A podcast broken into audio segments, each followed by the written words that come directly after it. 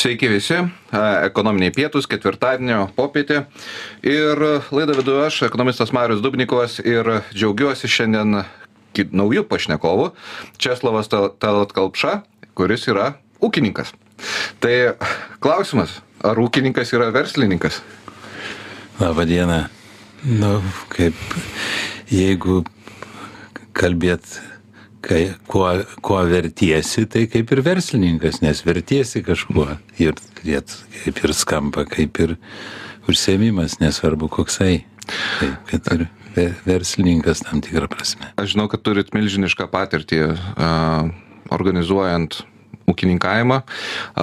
Koks kelias buvo į ūkininkavimą į versli verslininkystę ir kaip kaip jūs atsidūrėte tenais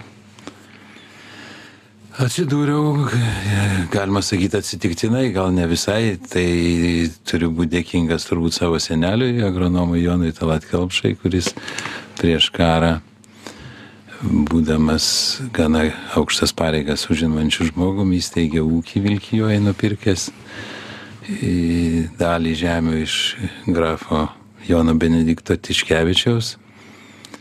Ir ir ten iki prieš karą buvo jau aukšto lygio ūkis, kuris ir vadinosi Vilkijos kultūrinis ūkis. Aišku, prieš karą visa šeima buvo išvežta, aš ir pats ten gimiau.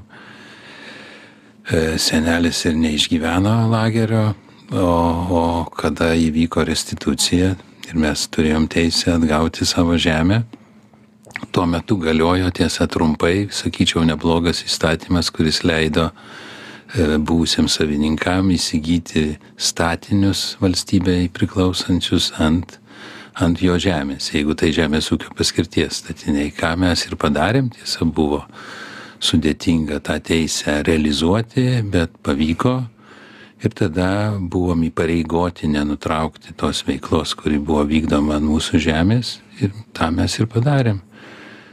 E, įsteigėm akcinę bendrovę, kad žmonės turėjo savo dalį pagal privatizavimo tą tuometę tvarką tas vadinamas baltas knygeles ir, ir mes atėjom su tais statiniais, kuriuos nupirkom iš valstybės kaip su turtu ir įsteigėm bendrovę.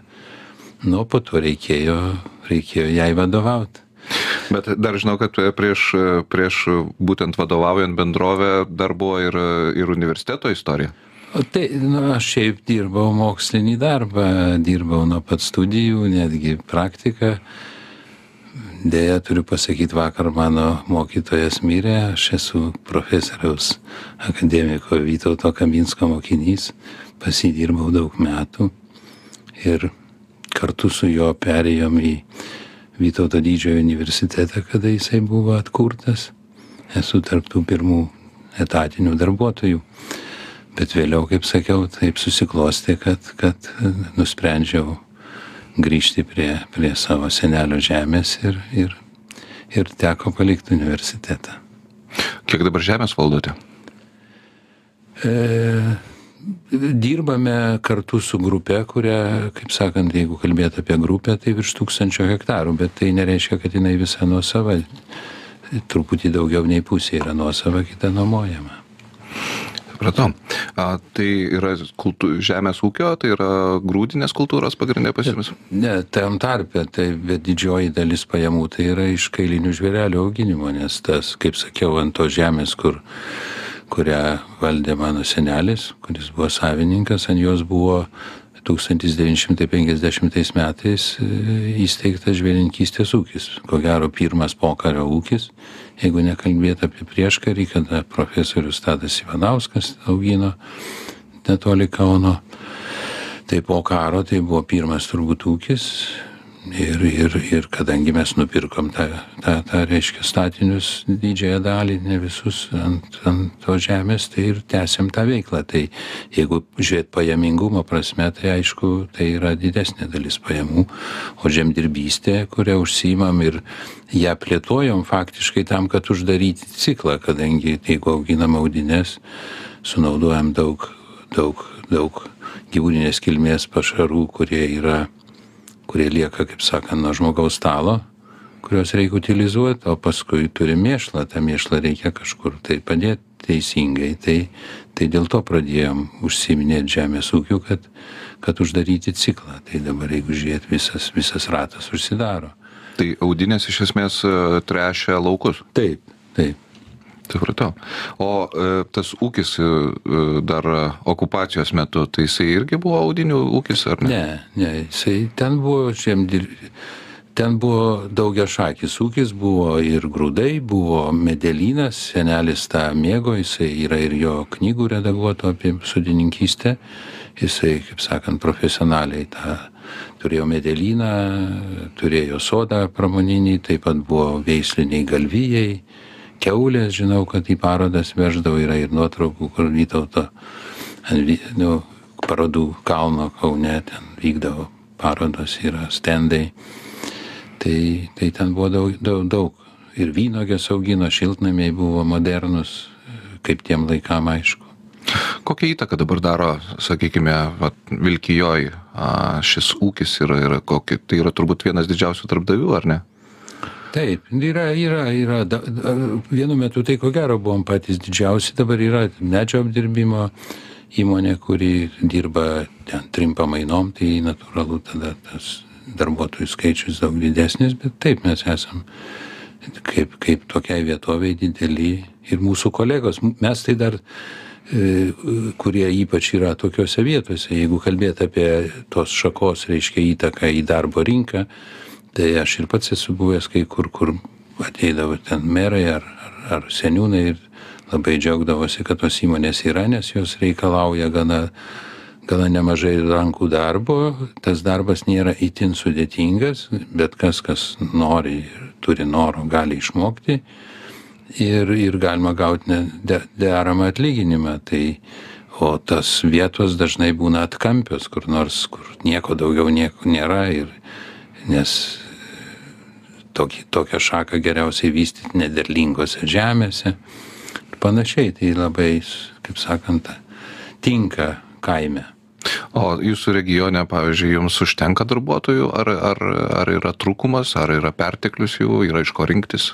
Pertekliaus tikrai nėra ir paskui, jeigu pradžioj tai tikrai buvo ir netgi būdavo klausimas, ar mechanizuoti ant kažką tai ar ne, tai klausimas, kad kažkas praras darbą, jeigu tų mašinų daugiau pristatysi, tai dabar jau tikrai to nėra, reikia mechanizuoti, nes vis viena viskas kyla į viršų ir, ir, ir žmonės darosi mobilesni ir, ir, ir tas, mes nesam taip toli nuo Kauno, taip kad konkurencija didelė. Ir, ir... Yra sėkmės tokių istorijų, kad pavyzdžiui žmonės grįžta į regionus ir, ir, ir, ir pradeda, nu, kaip čia pasakyti, iš naujo dirbti regionuose? Taip, taip, yra. Mūsų, mūsų šako ypatingai yra sakyčiau du variantai. Vienas variantas kada žmogus pabūna danijoj jaunas žmogus išvažiuoja pabūna danijoj dažnai ten susiranda lietuvaitę ir veda ir paskui nori augint vaikus lietuvoj tai grįžta į lietuvą. Išmokęs a išmokęs to amato ir dar kas svarbu išmokęs kad reikia dirbti nes ten kažkaip greičiau žmonės išmoksta kad pragyvent tam kad gerai gyventi reikia gerai dirbti. Jūs minit daniją tai čia e, dėl to kad e, kailių pramonė tenais išvystyta. taip. Bet net būtinai yra ir norvegijoj ir švedijoj bet dar dar daugiausiai danijoj ir mes tokių darbuotojų turim. Tai yra vienas kelias reiškia kada mhm. žmogus tiesiog grįžta tam kad šeimą turėti ir ir mo dirbti tą ką moka ir gauti adekvatų atlyginimą o kita dalis yra kurie irgi išvažiuoja sakykim į daniją dirba pas kokį nors ūkininką įgyja jo pasitikėjimą išmoksta to ir tada grįžta į lietuvą jau su to dano pinigais. Danas finans prisideda finansiškai reiškia atsiranda bendra investicija tas danas daugiau turbūt su pinigais žvėrim aš nežinau detalių aišku čia nu kaip sakant niekad nesi bet iš principo pats principas. Bet grįžta ta prasme įsteigti jau kailinių žvėrelių ūkį? įsteigia ūkį mažiuką kažkokį ar didelį? kažkokį ne yra ir nemažų ten kurių ten produkcija gali siekti ir ir keletą milijonų tai ir va tokiu būdu reiškia danas patenkintas nes jisai sėdi danijoj atvažiuoja kartais ir viskas juda nes žino kas dirba. Lietuviui gerai jisai pats nebūtų pajėgus finansiškai to padaryti tokia simbiozė Gerai, šitoje vietoje turime padaryti pertrauką, ekonominiai pietus, laidą vidu aš, Marius Dubnikovas ir šiandien kartu su manim čia Česlavas Talapša, ūkininkas, kuris, na, turi kelis ūkius, tai yra ir žemės ūkį, ir, ir kailinių žvėrelių ūkį. Tai pratesime po pertraukos. Grįžtame į laidą. Laidą vedu aš, Marius Dubnikovas ir kartu su manim ūkininkas Česlavas Talapša. Baigiame kalbėti apie apie žvėrelių auginimą. Kaip atrodo Lietuva bendram kontekste, sakykime, Baltijos šalių, pasaulio kontekste, būtent šioje sferoje? Nu, jeigu Baltijos šalių kontekste, tai, tai akivaizdus lyderiai ir, ir faktiškai dabar, ypač po to, kai Danija, Danija priėmė radikalų sprendimą dėl COVID ir išnaikino, tiesa dabar nuo sausio pirmos jie vėl atsigaus ir, ir atsiras fermos, jau yra yra planuojančių, valstybė tą leido. Tai Lietuva atrodo labai gerai, kokybės prasme yra Lietuva išauginti kailiai prie geriausių pasaulyje ir, ir kiekybės prasme dabar šiek tiek sumažėjo, bet Lietuva nuo maždaug 200 tūkstančių produkcijos e, praeito amžiaus pabaigai e, išaugino prieš keletą metų apie 2 milijonus. Tai reiškia 10 kartų išaugo produkcija, kas, kas jeigu žinant, kad Lietuvoje gyvulininkystė traukiasi, tai čia pavyzdys, kada viena iš gyvulininkystės šakų labai plėtėsi ir, ir netgi man pačiam truputį keista, kad taip gerai pavyko, ta prasme, kad padidinti dešimt kartų ir pasiekti aukštą kokybę nėra lengva, nes jeigu didini veisnių gyvūnų bandą, tai tu turi leisti kartelę veisliniai nu, kokybei veis, atrenkamų, atrenkamų veisliai. Tai tas rodo, kad lietuviai labai profesionaliai tą, tą darė ir, ir tai buvo daroma grinai ūkininkų pačių iniciatyva ir pačių, kaip sakant, niekieno neverčiamų ir ne, neremiamų.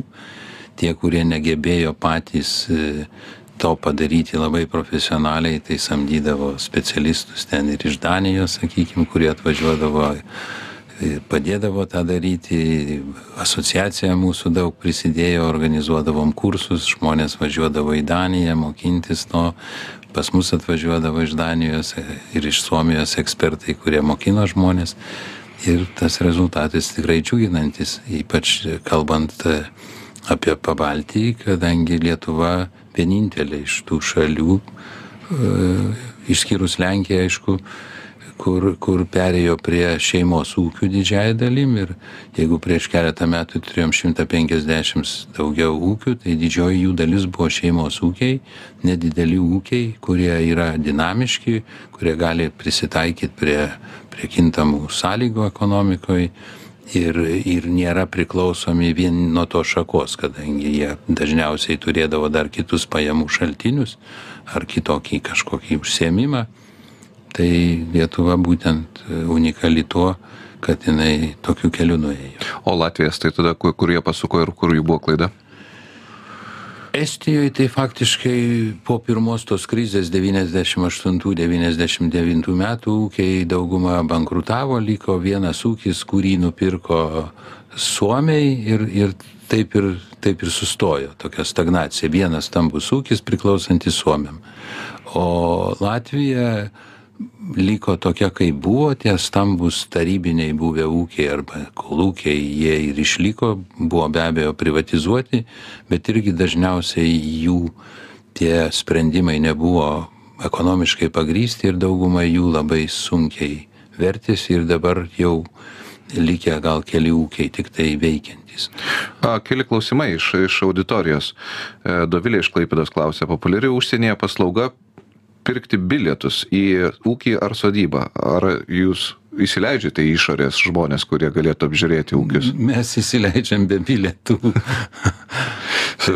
Pirkti nereikia. Ir jeigu kam įdomu, prašom, kad pamat, jeigu norit pamatyti, kaip tas iš tiesų atrodo, tai...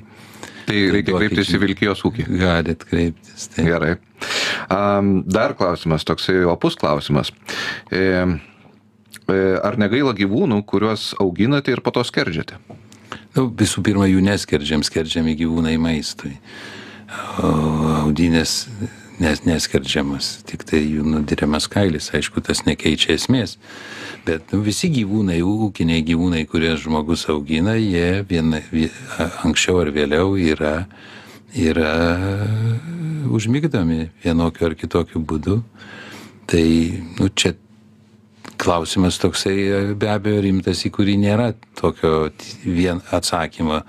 E, čia, prikla, kaip sakant, turėtumėm kalbėti bendrai apie žmogaus ir gyvūno santyki, nes žmogus nuo pat savo turbūt pradžios išnaudojo gyvūnus. Vienaip ar kitaip medžiojo, paskui prijaukino, paskui augino ir tada turėtumėm spręsti, kas, kas, kaip yra, kas, kas tas žmo, žmo, nu, gyvūnas žmogaus požiūrį, nes turim gyvūnus, kuriuos laikom dėl pramogos, ten šunys, katys ar ka kažkokius kitus laukinius gyvūnus net paimtus iš šviežiai iš gamtos nes tie patys katės ir šunys taip pat iš gamtos paimti tik labai senai.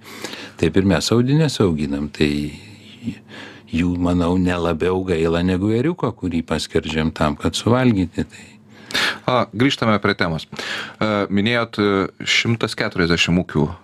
Bu, buvo, taip, netgi daugiau, man atrodo, buvo šimtas ar ne 56, bet dabar, kadangi čia to, tų visokių problemų atsirado labai daug, pirma tai buvo pačių kailių rinkos problema dėl perprodukcijos, kada buvo labai labai geri laikai, tai atsirado labai daug naujų augintojų ir, ir, ir, ir ir kiti padidino gamybą ir kaip sakant įvyko perkaitimas. Tiesiog natūralus procesas kuris visi visi tą žinojo kad jis bus ir ir bet po to ant viršaus kaip sakant užsidėjo kovidas kas labai didelę įtaką padarė ypač danų sprendimas o dabar dar ir karas be abejo. Šiaip nereikia slėpt rusija ir ukraina ta pati jos abi šalys kurios e, europoj turbūt daugiausiai suvartoja tos produkcijos. Tai tai įtaka labai didelė ir dabar sumažėjo tų ūkių veikiančių ūkių ūkiai mhm. tebėra didžioji dalis jų yra tiktai jie šiuo metu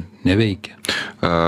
Aktyvioji fazė piko metu sakykime ko ko koks tai eksportas būdavo, kad įsivaizduoti na, eurais ar masę kažkokią tai? Nu, maksimali Lietuvos produkcija buvo 2 milijonai kailių, o tuo metu kaina buvo turbūt kokie 50-60 eurų, tai, vat, tai apie 100-120 milijonų. Dabar jinai nukritus drastiškai ne tik dėl to, kad kainos krito, bet ir pardavimai, sakykim, buvo metų, kada E, kada nepardavė kailių ir, sakykim, mūsų ūkis konkrečiai turi likučius didžiulius, dėl to, kad jie paprasčiausiai neparduoti, kas anksčiau nebuvo būdinga. Anksčiau, kada baigėsi aukcionų sezonas, paskutiniai aukcionai rugsėjo mėnesį ir tada parduodami paskutiniai praeitų metų išauginti praeito sezono, ne metų kailiai. Čia yra įdomi tema apie aukcionus ir dabar, kadangi turime daryti pertrauką, tai um, sugrįšime po trumpos pertraukos ir pratęsime apie aukcionus. Sveiki visi, grįžtame po pertraukos. Laidą vedu aš, Marius Dubnikovas ir kartu su manim šiandien Česlavas Talatkalpša, ūkininkas ir žvėrelių augintojas. Baigėme mes prieš pertrauką apie aukcionus. E, tai yra įdomus darinys, nes kitos, kitose, kitos prekės nėra taip prekiaujamos kaip e, kailiai, pavyzdžiui, aukcionė. Papasakokit apie, apie tą sistemą, kaip jinai pagaliau veikia ir kuo jinai pasižymi. Nu, iš tikrųjų, aukcionai tie yra įdomus ir aš atsimenu pats, kai pirmą kartą nuvažiavau, tai užtruko laiko, kol aš supratau, kas čia vyksta. O sistema yra labai paprasta ir labai atvira ir tokia, sakyčiau, sąžininga. Jinai atsirado jinai prieš daugiau nei šimtą metų, ko gero šimtą, gal dvidešimt ar trisdešimt atsirado Amerikoje, kada medžiotojai norėjo gauti teisingą kainą už jų, už jų sumedžiotą, sumedžiotą laimikį, kuris paprastai būdavo nuvežamas ir jie patys jau, nema, jie atiduodavo kažkam, kas kažkur buvo aukcionas toksai garsus Hudson Bay.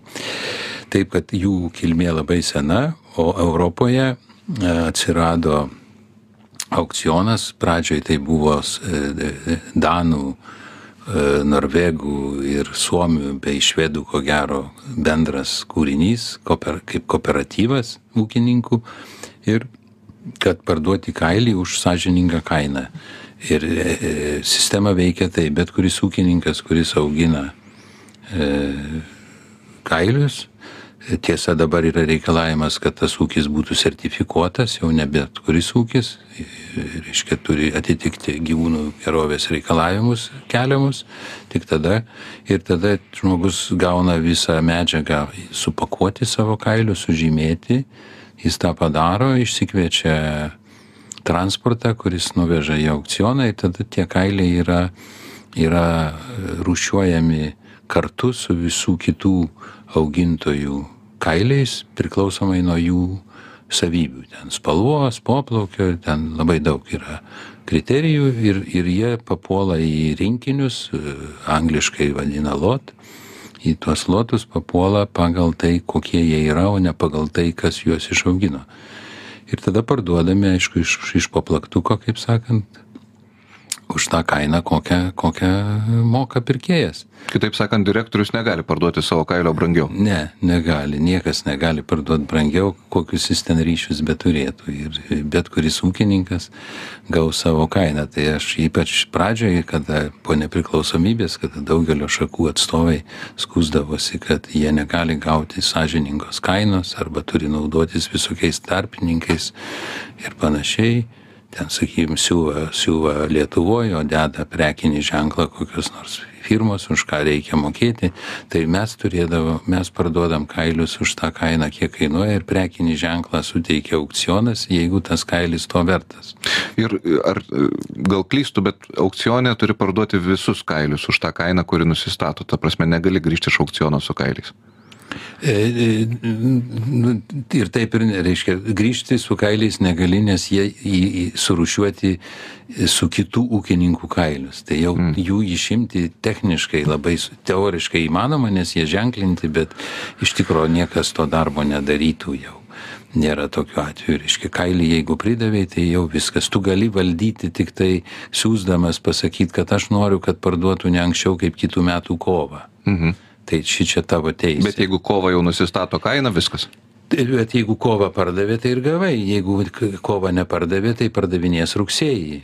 Ir, mm. Ar ten kitą mėnesį, jau aukcion, jau tu nevaldai tos situacijos. Tai dabar rugsėjai jau buvo aukci- aukcionas. Taip, buvo aukcionas, o rugsėjį tiek e, Helsinkį buvo gyvas, pirmas po nuo COVID, reiškia nuo, tūkstan, nuo 2019 metų galo, tai buvo pirmas, pirmas aukcionas gyvas, kur susirinko brokeriai, taip kaip, kaip įprasta tiesa, ten nelabai leido ūkininkus tik išimtinai, kaip, kaip paprastai būna. Tai ir jis buvo gana sėkmingas, pardavė praktiškai 100 procentų ir kaina kilo nemažai 10-15 procentų. Ir kiek dabar kailė listas kainuoja? Nu, čia priklauso nuo spalvos, gali būti ir ten 25, 26, gali būti ir 35, žiūrint kokios spalvos. Supratau. Turime klausimą iš auditorijos, tai yra, ar yra eksportas koks nors į Taivanį? Arba tą pačią Kiniją perfrazuočiau, ta prasme, yra ryšiai su šitomis šalimis?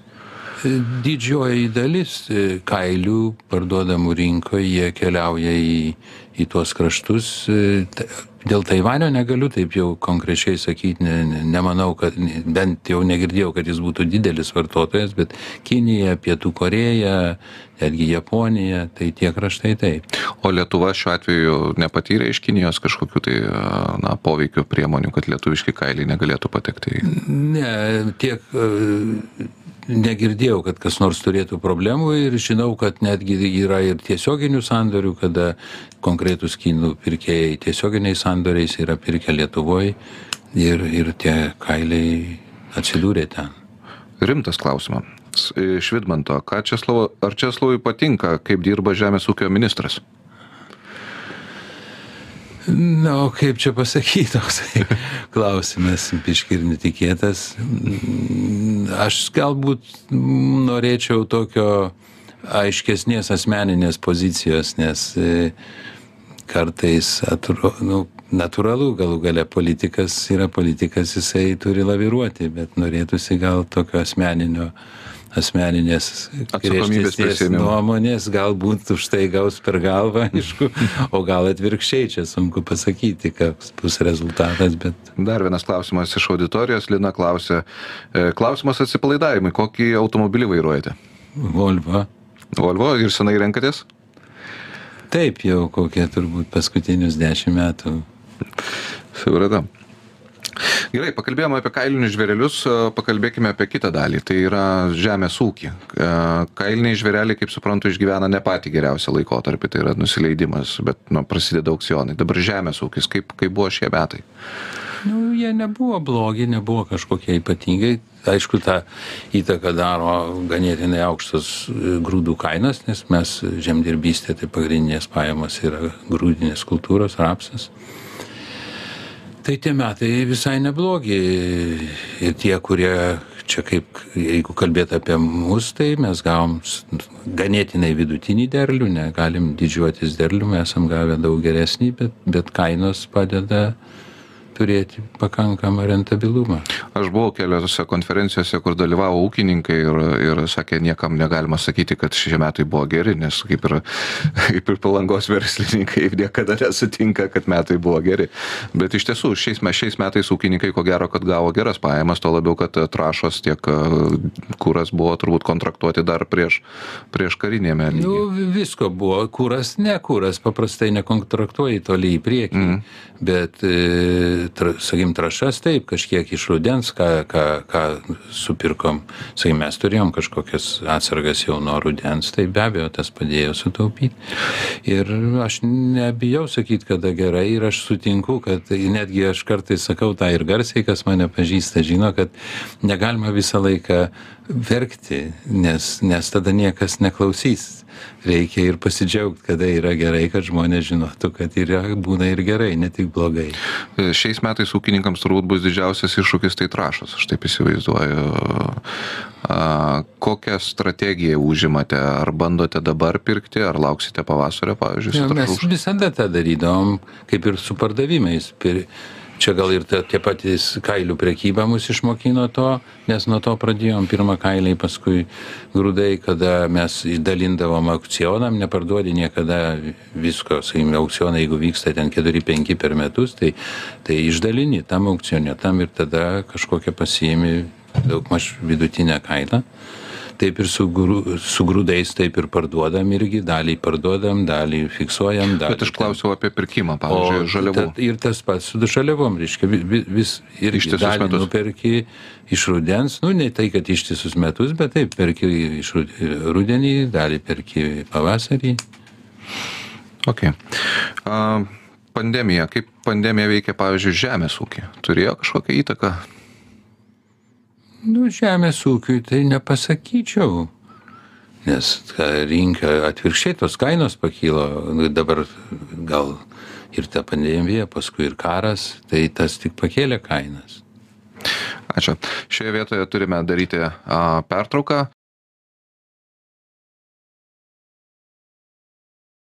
Grįžtame į laidą. Laidą vedu aš, Marius Dubnikovas ir kartu su manim a, Česlovas Talet Kalpša, ūkininkas, šverelio augintojas.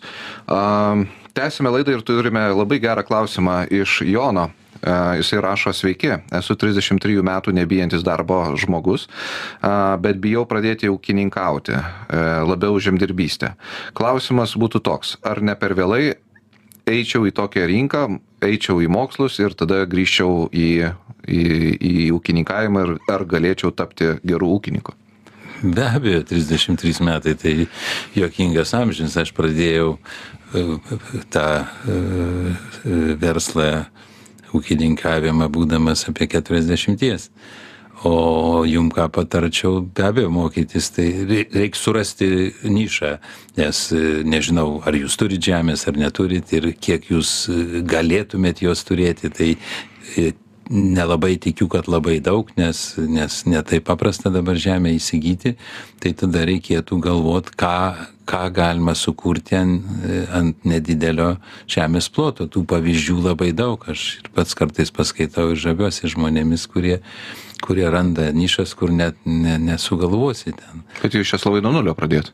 Nu, kaip nuo nulio savo žinių bagažu, aš mhm. nebuvau mm. matęs gyvos audinės, kai pradėjau vadovauti audinių ūkiui ir lapių.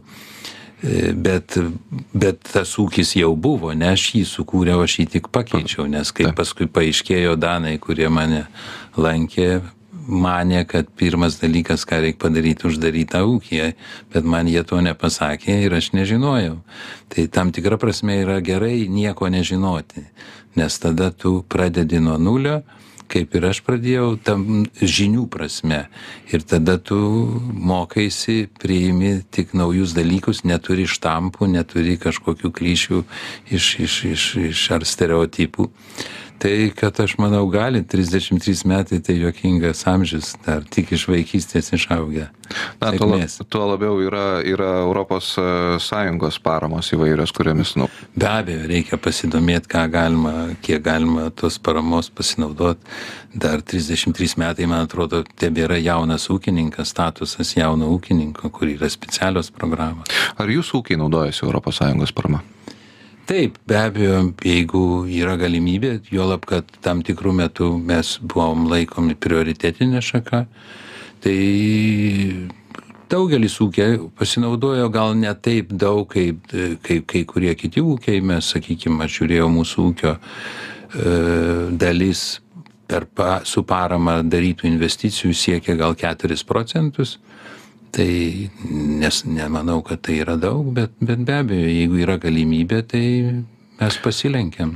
E, kalbant apie paramą COVID ir šią situaciją, kurią turėjome, ta prasme, verslai iš esmės gavo paramą, COVID-inę, COVID paramą. Ar jūs naudojatės ir koks jūsų požiūris į šitą?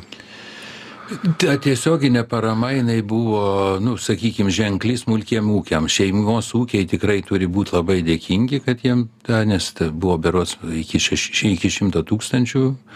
Tai stambiem ūkiam tai buvo, nu, faktiškai tai nedidelė parama, sakykime, Vilkijos ūkis ir nesinaudojo, kadangi jeigu tavo poreikis yra ten 5-6 milijonai, tai nėra bet be abejo visada kaip sakant parama geriau negu negu negu ne parama. Bet kalbėjome prieš prieš laidą apie tai apie paramos būtinumą verslui ir rinkos sąlygų išlaikymą. Tai taip, dar tiesa turiu pridėti, kur tikrai reikšminga parama buvo, tai e, pagalba skolinantis, nes didelė problema yra ne tik žvėrinkystė ypatingai, bet ir žemės ūkiui nėra taip paprasta pasiskolinti. Arba turi dažniausiai dirbt su kredito unijom kurių palūkanos yra aukštesnės negu bankų. Bankai bankuose mes nesam kaip anksčiau buvo vipiniai klientai. Tai tai vat ta parama buvo tikrai ženkli ir stambiem ūkiam nes tai buvo kitos sumos. Tiesa tuos pinigus be abejo reiks grąžint ir e, ačiū dievui nedidelėm bet vis vien palūkanom. O kalbant bendrai apie mano požiūrį į paramą tai aš bevelničiau, kad paramų būtų galimai mažiau, bet visiems. Nes problemą aš matau tada, kada vienas gauna paramą, o kitas ne. Tada iškreipiama rinka ir tam tarp ir valstybių lygiai, kada buvo COVID ir, ir buvo kalbama apie paramą, tai aš ir pats asmeniškai esu sakęs, kad aš nesu šalininkas paramos reikia išgyvent patiem. Bet kada pradėjo remti Danai, Švedai, Suomiai, Graikai, pradėjo remti savo ūkininkus, tada problema, nes jeigu mūsų nerems, o reikia konkuruoti, tai tada mes pirmieji eilėje, kaip sakant, iškrist. Tai čia turėtų būti svarbu, kad būtų visiems vien, galimai vienodos sąlygos. Tada ir parama. Ta, Koks jūsų požiūris į tai, kad verslai taip pat ir turi bankrutuotis krizinėse situacijose ir panašiose situacijose. Nu, čia kaip visi organizmai, jie gimsta, miršta, taip ir čia. Je, jeigu įsivaizduokit tokią e, teori, situaciją, kad kažkoksai verslas X yra labai pelningas ir visada. Nu, tai visi tą ir darysim, nieks nekeps duonos, nieks nesiūs kelnių, visi darys tą, kur garantuotas pelnas. Tai kadangi suprantam, kad taip būti negali, tai reiškia, kad kažkas turi, blogiausi to, to verslo šakos atstovai turi nustoti turi arba keisti profesiją, arba dirbti samdomą darbą ar panašiai. Reiškia, turi, turi būti judėjimas. Kažkas turi gimti, kažkas turi mirti. Tai iš esmės valstybės situacijoje, na, parama jinai galima tam, kad apsaugoti savo verslą, bet apsaugoti savo kaip valstybės verslą kaip bendrai, bet, bet dirbtinai bandyti išlaikyti įmonės, na, tikrai turbūt nėra tikslinga, nes tai yra prieš gamtą. Nu, taip, ko, ko gero taip. Ok. Uh, mūsų laida juda į pabaigą. Aš turiu visą laiką tokius du klausimus. Tai vienas klausimas apie hobius. Ir antras klausimas apie asmeninių lėšų investavimą. Nes, na, suprantamu, kad pagrindinės investicijos vis tik tai yra verslas. Bet, pavyzdžiui, investicijos, kokios, ar, ar, ar Česlovai, jūs darote investicijas, pavyzdžiui, asmeninės, tos portfelinės, kur kažkur investuojate lėšas, kad pa, parodyt žmonėm, kad galimos investicijos ne tik į verslą, bet ir kažkur plačiau.